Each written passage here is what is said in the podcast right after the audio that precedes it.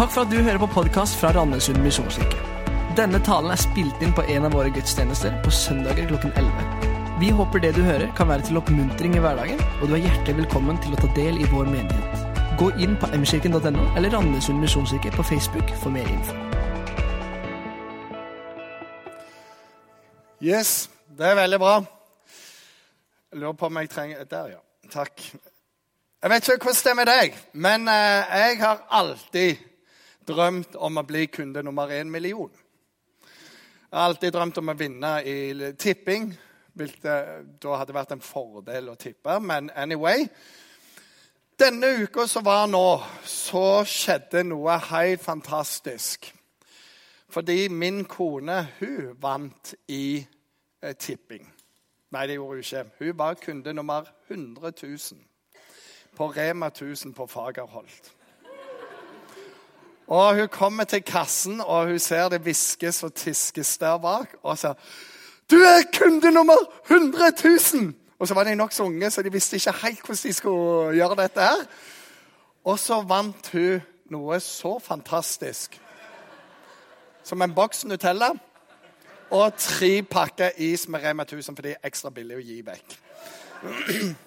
Men Katrine dokumenterte det. La det ut på Facebook. Så det er et evig minne. Og det er noe med historie og historie om oss at du må dokumentere ting. Ellers blir det borte. Jeg er fryktelig dårlig til å dokumentere ting. Jeg vet bare hva som skjer framover, men aldri hva som skjedde i fortiden. Faktisk er det sånn at det bildet er veldig viktig. Etter andre verdenskrig så sa de vi må ta så mange bilder som mulig av konsentrasjonsleirene. Og vi må finne alle bilder som er tatt, og dokumentere. For ellers kommer folk til å si det har aldri skjedd. Noen lo litt av den påstanden. Men siden den gang så har det blitt dokumentert utrolig mye. Og likevel er det folk som sier det har aldri skjedd. De prøver å forfalske historien. Dokumentasjon er ekstremt viktig. At noen tar bilde, noen skriver ned, og av og til skriver under på. Sånn var det faktisk. For at historien skal være ivaretatt. Og så er det en annen ting òg med det med når vi ser bakover. Det er den som ikke ser bakover, den må gjøre alle feilene sjøl. Det er mye smartere å lære av andres feil enn å ta hele runddansen. Og møter dette stadig. De som insisterer på at de har hele vedet, og så gjør de bare akkurat de samme feilene som jeg kunne fortalt dem hvorfor de ikke skulle gjøre. Så du kan lære av historien, du kan komme deg litt lenger, litt bedre fram. Og så er det òg noe i historien som vi kaller hellige minner. Det gode, det vi vil ta vare på. Spesielle øyeblikk. Av og til så er det en Nugatti-boks eller en Nutella-boks. Av og til så er det andre ting. Kan Jeg bare si, jeg ser ikke neste slide, så jeg er nødt til å få litt hjelp. Eh, og, og det er noen ting som har vært i livet som Det er bare spesielt for oss. Og det gjør noe med oss når vi ser de bildene når vi kommer tilbake der. Det gir oss mot, det gir oss krefter. Gode minner strømmer på. Og så er det veldig flott å være der igjen. Katrine, kona mi, hun dokumenterer absolutt alt. Vi har album på album på album. Og hvis jeg forteller et eller annet fra fortida, så kan du bla i et album og vise hvor jeg tok feil. Det, det, bare skjer helt automatisk. Og så har vi en annen egenskap òg. Det er at eh, når vi har vært en eller annen plass, legges det rett inn på PC, rett inn i neste års album. Sånn at når vi er i 2019, så er det mange blanke sider. For historie er ikke bare det som er bakover, men den historien som er igjen å skrives. Så Katrine gleder seg utrolig mye til alt som skal skje i 2019 hvor vi skal på ferie, hva som kan skje da, hva som kan skje da. Og, og så er hun der både i fortid og framtid. Historien om oss ser vi tilbake, og vi ser framover. Vi ser på den første menighet, vi ser på vår menighet her, og vi ser på våre liv. For det var en menighet, det er en menighet, og vi er et tempel for Den hellige ånd. Så det er der vi kommer til å være de fire neste ukene. Andy Stanley, en fantastisk pastor, han sier der Basert på hvor du har vært, det er din historie. Hvor du har tenkt deg, det er din framtid. Hva er lurt å gjøre nå? Hva er lurt å gjøre nå? Og det er når du står overfor en del valg. Hva er lurt å gjøre nå? Basert på historien din, basert på drømmene dine. Hva er lurt å gjøre nå? Jesus, rett før han reiste fra jorden, noe av det siste han gjorde, det var å gi en ekstremt tydelig visjon eller en, et tydelig oppdrag. Og Det sa han til vennene sine, de nærmeste vennene sine. Og så har det vært en sånn ting som står i Bibelen, som jeg vet, det gjaldt ikke bare de, men det har gjeldt i hele kirkehistorien etterpå. Han sier dette. Jeg har fått all makt, dette er Jesus sine ord, i himmelen og på jorden. Gå derfor ut og gjør alle folkeslag til disipler. Døp de til Faderen og Sønnens og Den hellige ånds navn. Og lær de å holde alt jeg har befalt dere. Og se, jeg er med dere i alle dager inntil verdens ende. Og Dere lurer på hvorfor snakket han jærsk. For Det står i Bibelen at Jesus og vennene snakket dialekt. Og det er den beste måten jeg kan gjøre det. Jeg kan ikke lese østlandsk da. Det var dialekt. Men han ga tydelig beskjed. Gjør alle folkeslag til disipler. Ja, det kommer til å ta resten av historien. Exactly. Så nå slipper du lure på hva du skal gjøre. Bli med på oppdraget. Og så var det noe med dette. Det som skjer etterpå, det er at Jesus lider, han dør. Og Så står han opp igjen, og så kommer han og sier dette her. Og så sier han nå må dere vente litt. Vær i bønn, og så skal jeg gi dere noe nytt. Ok, Hva er det? Hellig ånd. Ok, hva er det? Bare be. så ja, det kan vi gjøre. Og så var de litt redde mens de ba. For de som hadde korsfesta Jesus, de tenkte at vi òg er neste i køen der. Så de lukket seg inne på noen rom. Men så ba de. Og en dag mens de ba Dette kommer Jarle til å ta ganske mye mer om to uker. Plutselig så opplever de denne ånden til Gud kommer inn i rommet, fyller alt. Og så går de fra livredsel til en ekstrem frimodighet. De går ut på gatene, og de forkynner evangeliet. Og vi, vi leser om Peter og gjengen, og folk blir frelst. Og Dette er det vi kaller menighetens bursdag. Og det står sånn De som tok imot budskapet hans, ble døpt. Og den dagen, den første dagen med menighet, så ble 3000 mennesker frelst. Og det er veldig bra. Da tenker jeg lykke til med byggeprogram. De holdt seg trofast til apostelens lære og fellesskapet til brødsbrytelsen og til bønnene. Hver og en ble grepet av ærefrykt, og mange under og tegn ble gjort av apostlene. Alle de troende holdt sammen og hadde alt felles. De sa de var helt enestående. De hadde alt felles som ingen andre hadde felles økonomi, goder, unntatt det ene de andre hadde felles, og det var konene sine. Det hadde de hver for seg. De solgte eiendommene sine og det de ellers eide, og delte ut til alle etter hvert som hver enkelt trengte det. Hver dag holdt de trofast sammen på tempelplassen, og i hjemmene brøt de brødet og spiste sammen med oppriktig og hjertelig glede. De sang og lovpriste Gud og var godt likt av hele folket. Og hver dag la Herren til nye som lot seg frelse. Dette er bursdagen til menigheten. Sånn starter det. Men det starter før med en tydelig beskjed, en tydelig visjon, et tydelig oppdrag. Meg er gitt all makt i himmel og på jord. Gå derfor ut. Ikke pga. din følelse, ikke pga. dine prestasjoner, men pga. meg, hva jeg er gitt. Og jeg gir det videre. Bare gå ut. Og så er det da noe med at eh, i denne rekka her så kom òg denne menigheten til. Og akkurat nå så skal dere få møte en av de som var med å stifte menigheten. Han lever ennå, selv om det er tilbake i det forrige årtusen. Kan dere hjelpe meg å ta imot Malvin på scenen her? Malvin Haaland. Han har vært med siden forrige årtusen, men han lever fortsatt i dag. Det er fantastisk. Og Malvin. Se på det bildet der. ikke det vakkert? Ja, det, det, er fra Enten er det Hånes skole eller så er det Strømme skole. De var jo veldig like, de to gymsalene. Vi Ja. brukte jo Hånes og Strømme skoler som base. Her sitter det jo en god del kjente, da. Ja. Ja, Arild Eikom sitter i grønn T-skjorte til venstre. Han sto og sang i stad. Ja.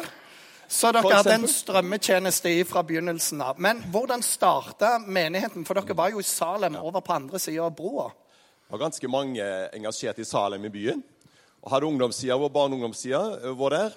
Og eh, når vi ble sånn slutten på 70-tallet, så gifta vi mange av oss, og vi stifta familie. Og så fikk vi etter hvert noen barn, og så syntes vi det var Og så skulle vi jo, skulle vi jo Hvor skal vi bo? Og de bygde jo ut Sømsområdet, Hånesområdet. Det var naturlig for oss å flytte utover her. Og da kom Vareboa imellom.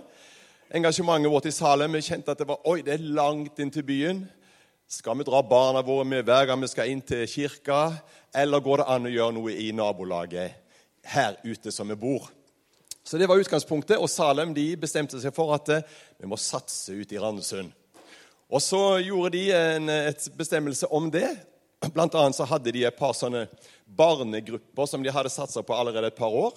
Eh, som var førskolegrupper for barn mellom fire og seks år. Det var ei gruppe på Strømmeskole, ei på Hånes skole. Og så ga de oss en del kontakter. da. Ja. Bygde vi på det, og så bestemte de at eh, kanskje det går an å ha et eh, familiesamling på Hånes skole. Kanskje det går an å ha en eller annen familiesamling på Strømmeskole. Og så hadde vi to sånne i halvåret. Og Da brukte vi disse kontaktene som vi hadde da, i disse førskolegruppene, og andre naboer og venner som vi hadde fått kontakt med. Og Så ble det litt sånn starten og basen fra disse to familiesamlingene. da. Masse barn, masse voksne, bibel, bønn, to av b-ene, og det var mye boller og bråk. De to andre b-ene. Vi kristne har jo alltid trodd at det er dans som fører til noe annet, men vi har jo lært at det er det, det, det er boller. ja. Så, og, det, og her har det jo ført til menighet. Det har ført til menighet. Og det var altså starten. sant? Og det var så bra å se at eh, wow, går det an å være så mange og komme på, på, eh, på dette? Og så holdt vi på sånn. Eh, Det ble liksom mer og mer, oftere og oftere. Og til slutt så Jeg tror det var Anne Kristin en gang som sa på et menighetsmøte Nå må vi jo snart bli selvstendig menighet. Anne Kristin Vidar Andersen hun er her i formiddag. jeg så henne. Og sa Anne Kristin jeg tror vi må snart bli menighet. Vi kan ikke bare holde på å være liksom en komité og gjøre litt sånn. Vi må stå på egne bein. Vi var jo unge. 30 år pluss minus. Små barn.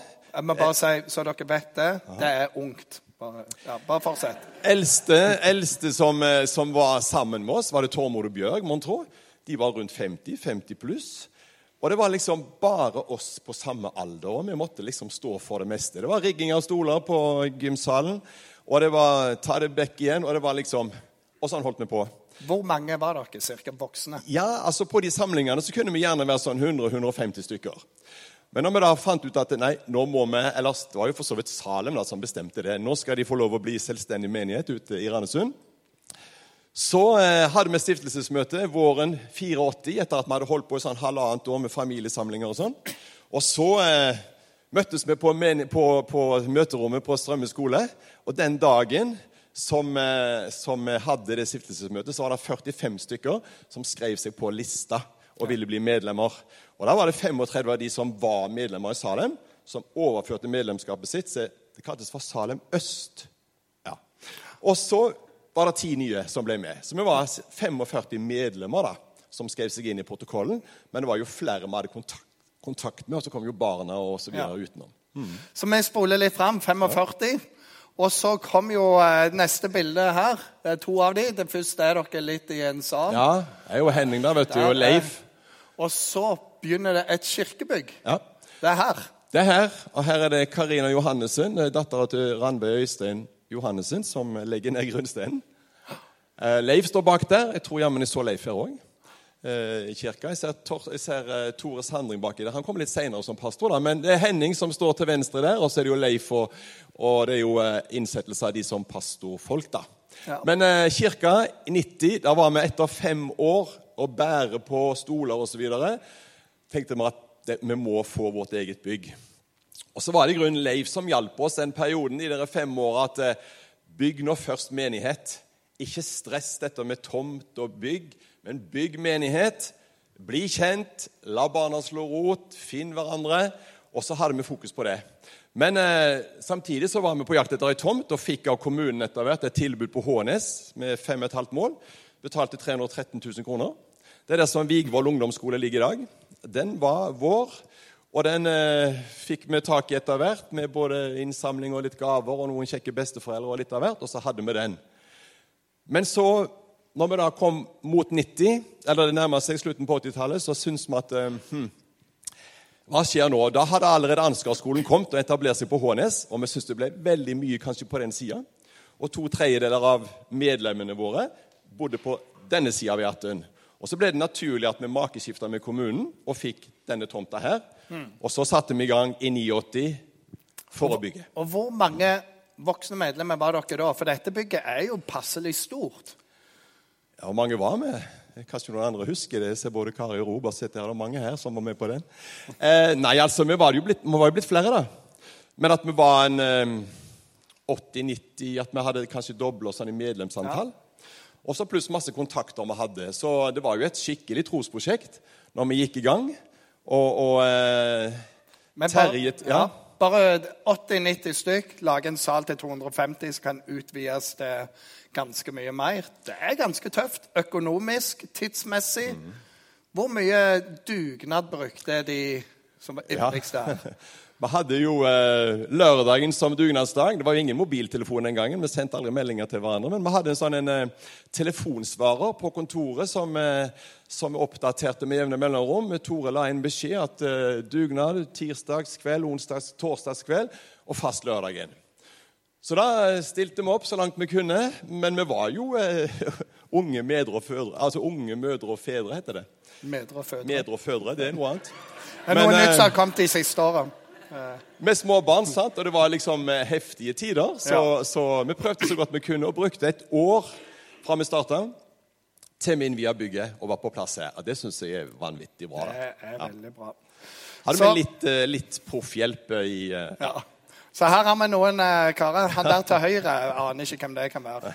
Med brillene der, men Harry Potter. Han gikk her før. Men her er foran bygget. Ja, dette er foran bygget med, med selve innvielsesdagen. eh, Og eh, ordføreren var jo her. Paul Otto Johnsen het han den gangen i Kristiansand. Og vi hadde full sal her. Og vi syntes jo det var utrolig spennende da. Sleit med lyden, for det var ingen plater på veggene her. Og lyden den bare suste og løp rundt omkring. og... Men det fikk vi orden på etter slutt. Og så eh, var jo Tore, pastor, Sandring, sitter bak der. Eh, han eh, hjalp oss utrolig i den fasen òg, for liksom å, å lande dette. Da Da var vi liksom eh, kommet over den eh, plogfasen, plogspiss, og nå var det liksom å få satt menigheten og få kommet i, i sving sånn ut ifra dette bygget. da. Og så er det Terje, som døde altfor ung, som var en fantastisk klippe i kirka vår. som sto for, Han var byggmester. Jeg tror han sto, han sto for hele oppførelsen av bygget. Ansvarlig. Med alt som var dugnad, og, og gjorde en utrolig jobb. Samtidig så hadde han vanvittig sånn eh, syn for at eh, wow, alle disse barna våre de må vi følge videre. Løfte de over i neste gruppe osv. Så, videre. så Terje er en, det, det er et fantastisk minne. Ja. Og så har du vært med hele tida fram til nå. Så, så hvordan er det å være i menigheten og Ser tilbake liksom, på 70-tallet, 80-tallet, 90-tallet, og så er vi her. Nei, Jeg syns det er fantastisk. Og det som jo er utrolig spennende, da, det er jo at det, det er jo blitt mange misjonskirkemenigheter rundt i Kristiansand. Og i hvert fall både på Ytre, som jo har vært vårt spesielle prosjekt, ut ifra oss, men òg på Hånes og Justvik. Bare for å nevne tre av de, så er det ganske mange av våre barn og ungdommer som er vokst opp her, som er si, våre barn, som er aktive medspillere ute i de nye kirkene. Så liksom, stafettpinnen går videre, og det er fantastisk gøy. Og så er det så flott å se at det, det kommer en ny generasjon her, oss som, som var litt yngre før. Vi, vi, vi kan finne litt andre oppgaver, men kan få lov å være med allikevel. Og så ser vi at det kommer stadig nye til. Det er jo utrolig spennende. Det er, fla, det er flott å høre. Tusen takk til Malvin. Det er fantastisk. Og så Så er det noe med denne menigheten her, for det er mange troshelter her. Det er noen som satt i gravemaskin et helt år, det er noen som har drevet elektrisk her i jeg vet ikke hvor mange år. Og så har jobbet på forskjellige måter, praktisk, med barnearbeid, med ungdomsarbeid. Og det er antageligvis noen tusen folk som har vært gjennom dette bygget her. Det er fantastisk. Og på forskjellige måter har vi fått lov og bidratt.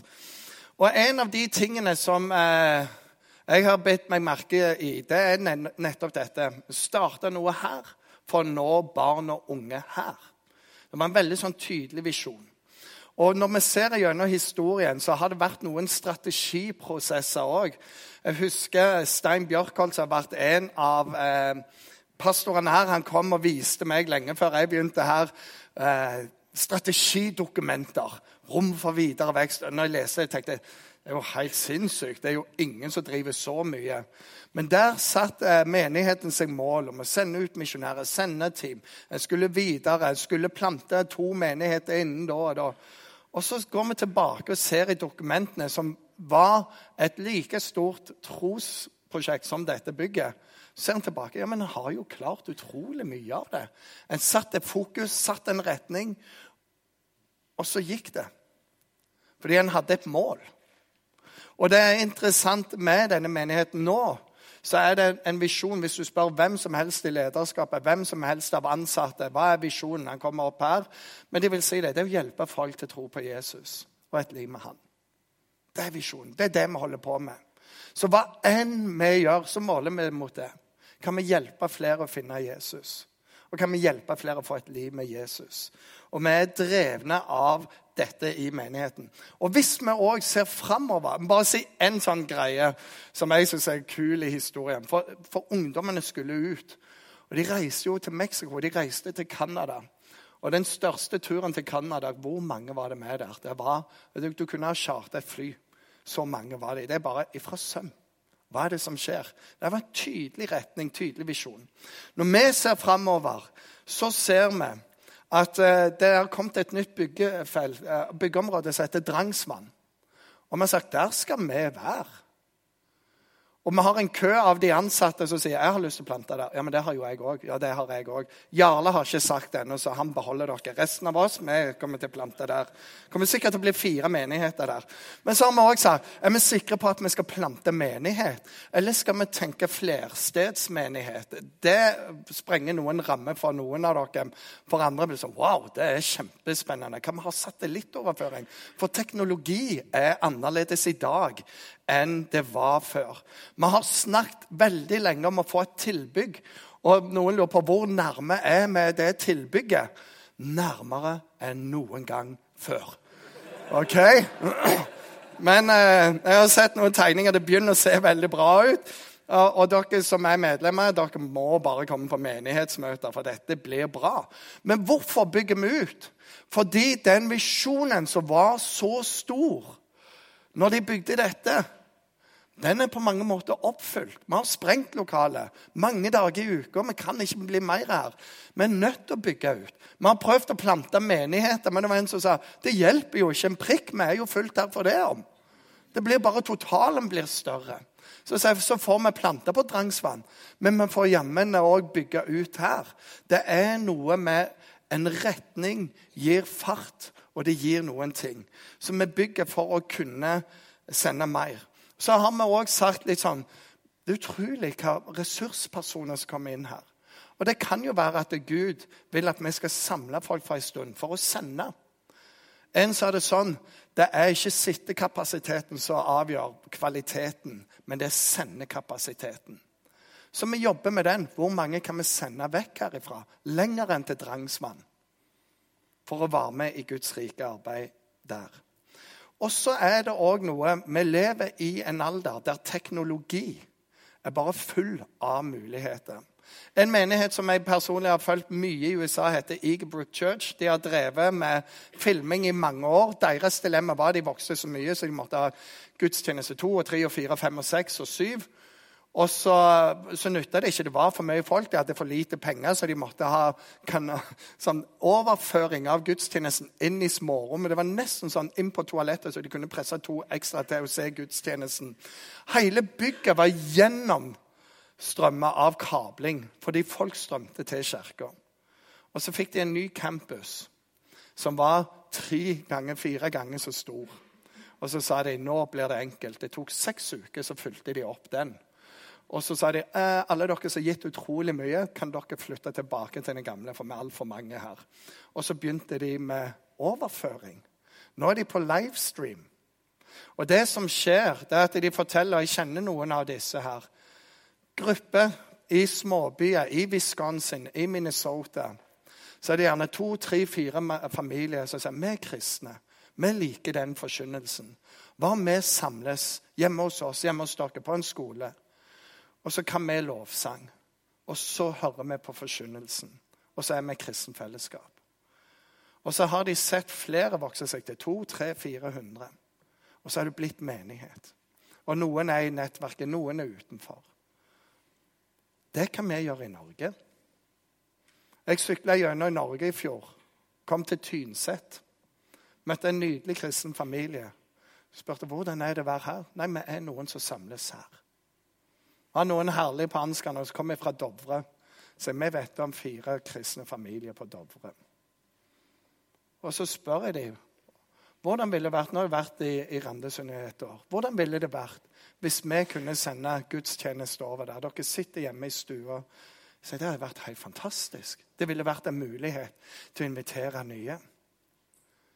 Så vi tilbygger alt, så, så lurer vi på dette. Kan vi være en menighet som velsigner langt utover våre grenser? Kan vi lage en så god produksjon at på sånne plasser hvor det er to, tre, fire familier nå, så kan de få en førsteklasses gudstjeneste med alt det de klarer å gjøre. Og så er vi sammen og gjør det større. Vi er sammen om noe som er større. Teknologien gjør at vi kan være her og likevel være over hele Norge. Og det er fantastisk. Og han er hovedpastoren i, i Eagerbrook. Eh, når vi var der, så har jeg en kamerat som driver med masse sånn teknisk duppeditt. Så for den der åpenbaringen så sier han du vet, Pastor Bob han kan preke for 2000, men jeg med et tastetrykk kan nå 1 million. Er ikke det bra? Er ikke det bra, eller? Og så var det sånn Ja, da har du en visjon og en retning. Og han vil det i Norge. Så hva er visjonen? Våge å drømme noe som er større. Så det har vært vår visjon. Og så vil jeg òg ta Jeg vil si noe om Vi takker Gud for de kapitlene som ligger bak. Alle som har vært med. Og det er fantastisk. og Denne menigheten her har utrolig mye. Vi kunne dratt fram så mange personer, så mye. Og vi er takknemlige for det. Og vi skal bevare det på hellige plasser. Og så likevel så går veien videre. De neste kapitlene som skal skrives. Mange av oss skal være med å skrive dem. Er du ikke død, så er du ikke ferdig, sa en. Det er ikke en pensjonsalder i Guds rike. Spørsmålet er hvordan kan vi være med nå på det Gud gjør?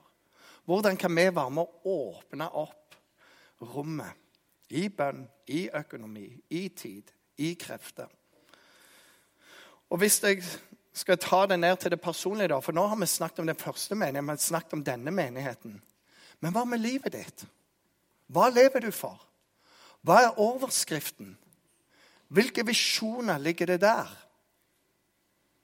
For det som ser ut som det enkleste, det er bare å drive med og drive av gårde. Uten mål og mening. Og vi kommer til disse skiftene i livet hva skal du studere? Jeg aner ikke. Hva skal du bli? Jeg aner ikke. Ja, hvor med familie? Eneste sørlendinger vet, er at de skal bo her. Resten er i det blå. Men dere vet noe mer enn resten av Norge. Skal i hvert fall bo her. Så det er greit. Slipper du å lure på det. Men hva er visjonen? Hva lever du for? Det var Willard eh, Dallas han sier dette her. Det viktigste i livet er ikke hva du gjør, men hva du blir hva du blir. Så hva holder du på å bli? Forfallet er det eneste som kommer av seg sjøl. sier Per Arne Dahl. Resten må du jobbe for. Hva holder du på å bli? Og av og til så bare pst, går det ut. Mange har sagt det sånn at vi er mannfolk. Vi går naturlig mot isolasjon. For jeg klarer meg jo alltid sjøl. Jeg kan bare gjøre sånn. Hva holder du på å bli da? Og i disse livsfasene ja, Nå er ungene ute, så nå kan jeg Hva holder du på å bli nå? Hva holder du på å bli? Og hvis du ikke har en plan, så er det veldig tilfeldig hva det blir. Og vi trenger å komme tilbake til det. Sette oss noen mål, sette oss noen verdier. Noe som vi jobber for, vi lever for. Det står det eh, i, åpen, nei, i, i Bibelen, ordspråkene Uten åpenbaring så kommer folk på villspor. Vi trenger for sånn, Det skal jeg leve for. Kommer eh, av gårde bare sånn. Så hvordan har du tenkt at ditt forhold til Jesus skal være? Og hvorfor? Hva med menighet? Som, den, som menighet her så står vi overfor noen enormt store steg. Kom med et tilbygg. Vi har et drangsvann. Vi kommer til å gjøre teknologien. Og vi kommer til å jobbe med ressurser som skal spres overalt. Fordi det er sånn det er. Og vi kommer til å gjøre hva enn vi kan for at folk skal Vi skal hjelpe folk til å finne Jesus og få et liv med han. Og det er noe av våre muligheter. Skal du hjelpe til i det? Relasjonelt. Hva holder du på å bli der? Hva jobber du for? Og relasjonelt, Det kan være nærmeste familie, men det òg i et nabolag. Veldig ofte i et nabolag så er det den personen. Du vet den. Men er det den som skal definere nabolaget, eller skal du være med det? Vi skal være verdens triveligste gate å bo i. Vi skal sørge for å være lys og salt. Folk skal elske å bo her pga. oss. Vi bodde i Gruvestien i noen år. Vi konkurrerte med en annen familie om å ha mest vafler i jernet. Så det ble hos oss, og de var det sånn herlig greie der. Og Vi samles ute, og det var alltid sånn Kom igjen. Og det ble utrolig trivelig. Der vi bor nå, det er ikke så mye vi gjør, men hver vinter så har vi kino på terrassen når det er mye snø. Og sola går ned klokka fem. Så viser vi på en vegg. Så kommer en nabo og sier dere lager sånne evige minner for barna våre. En kino, hva er det? Evig minne er det. Det er det det er. Og når det er snø nok og, og Vegvesenet ikke kommet, så har vi akekonkurranse. Det er liksom Snø! Fort dere ut! Og så er det bare klar ferdig. Og vaffelpresser i garasjen. Hvilke mål har du relasjonelt? Og Av og til må vi ta opp noen ting. Vi må ta noen litt sånn tøffe bestemmelser på dette. For det er lett å isolere folk vekk, for de er litt sånn. Men skal det være sånn med deg? Det står de som er gjestfrie, ofte engler på besøk. Hvilken visjon har du for det? Karrieren din, hvilken visjon har du der? Utdannelse, jobb. Det var En som sier, en kanadisk professor han sier hvis du vil ha orden på livet ditt For av og til så bare Så var med på sa. Hvis du vil ha orden på livet ditt, så rydd rommet ditt. Det sier han. Begynn der. Begynn å få kontroll. Kontroll begynner med å rydde rommet sitt. Og dette har ekstrem appell til barn og tenåringer som bor hjemme. Rydd rommet ditt. Sånn, Og du vet at Det skjer ingenting der før de er forelska, og den de er forelska i, kommer på besøk. Da går dette av seg sjøl. Men han sier nei, nei, begynn å rydde rommet ditt. For da begynner du å få kontroll. Og La meg spørre deg litt sånn retorisk, da. Hvilke rom er det du bør begynne å rydde i og få kontroll på i ditt liv? Av og til bare flyter det, og du vet du burde, men du gjør det ikke. Så hvilke rom bør du rydde i nå. Til slutt så tror jeg eh, det er vel noen her som opplever akkurat dette at om jeg skal bruke et bilde fra en hest, så har du falt av hesten, og du er livredd for å sette deg på en hest hjem fordi du har falt av. Og det er én ting vi sier til folk som har falt av en hest, det er bare kom deg opp så fort som mulig på den hesten. For du er meint til å ri, og ikke meint til å være redd for hest. Så jeg tror det er noen som Det er noe du har falt, det er noe slag du har fått. Det er noe merke der sugde kreftene ut. Kom deg tilbake på den hesten. Men det begynner med å ha en visjon. Noe som driver oss. Det står dette i Salme 37. Legg din vei i Herrens hånd. Stol på ham, så griper han inn. Og spør han, hva holder du på med, Gud? For jeg vil være med på det du holder på med. Koster det? Det koster. Det koster å bygge denne kirka. Det er flere sønner og døtre som sa jeg gikk ned på kirka for å få lov å møte min mor eller far, for de var på dugnad her hele tida. Og så var det en del av offeret i det. Men hva ble det til for velsignelse? Så hva holder du på å bli? Skal vi be sammen? Og så Etter jeg har bedt, så vil jeg òg si når det blir lovsang, så har vi ei bønnekrukke. For du kan legge noen av de bønnebegjærene oppi der. Vi har ei lyskrone der, der vi ofte ber for folk vi tenker på. Og så har vi et bønnerom der vi kan bli bedt for og samtale. Så benytt deg av det under de neste lovsangene.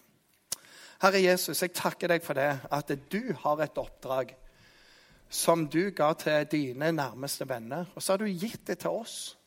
Og så kan vi se gjennom hele kirkehistorien at generasjon etter generasjon har kobla seg på det.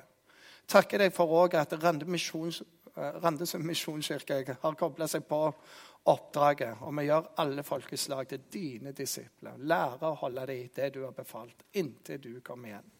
Og jeg takker deg for meg her. Jeg takker deg for de som sitter her i dag, som var med og starta dette.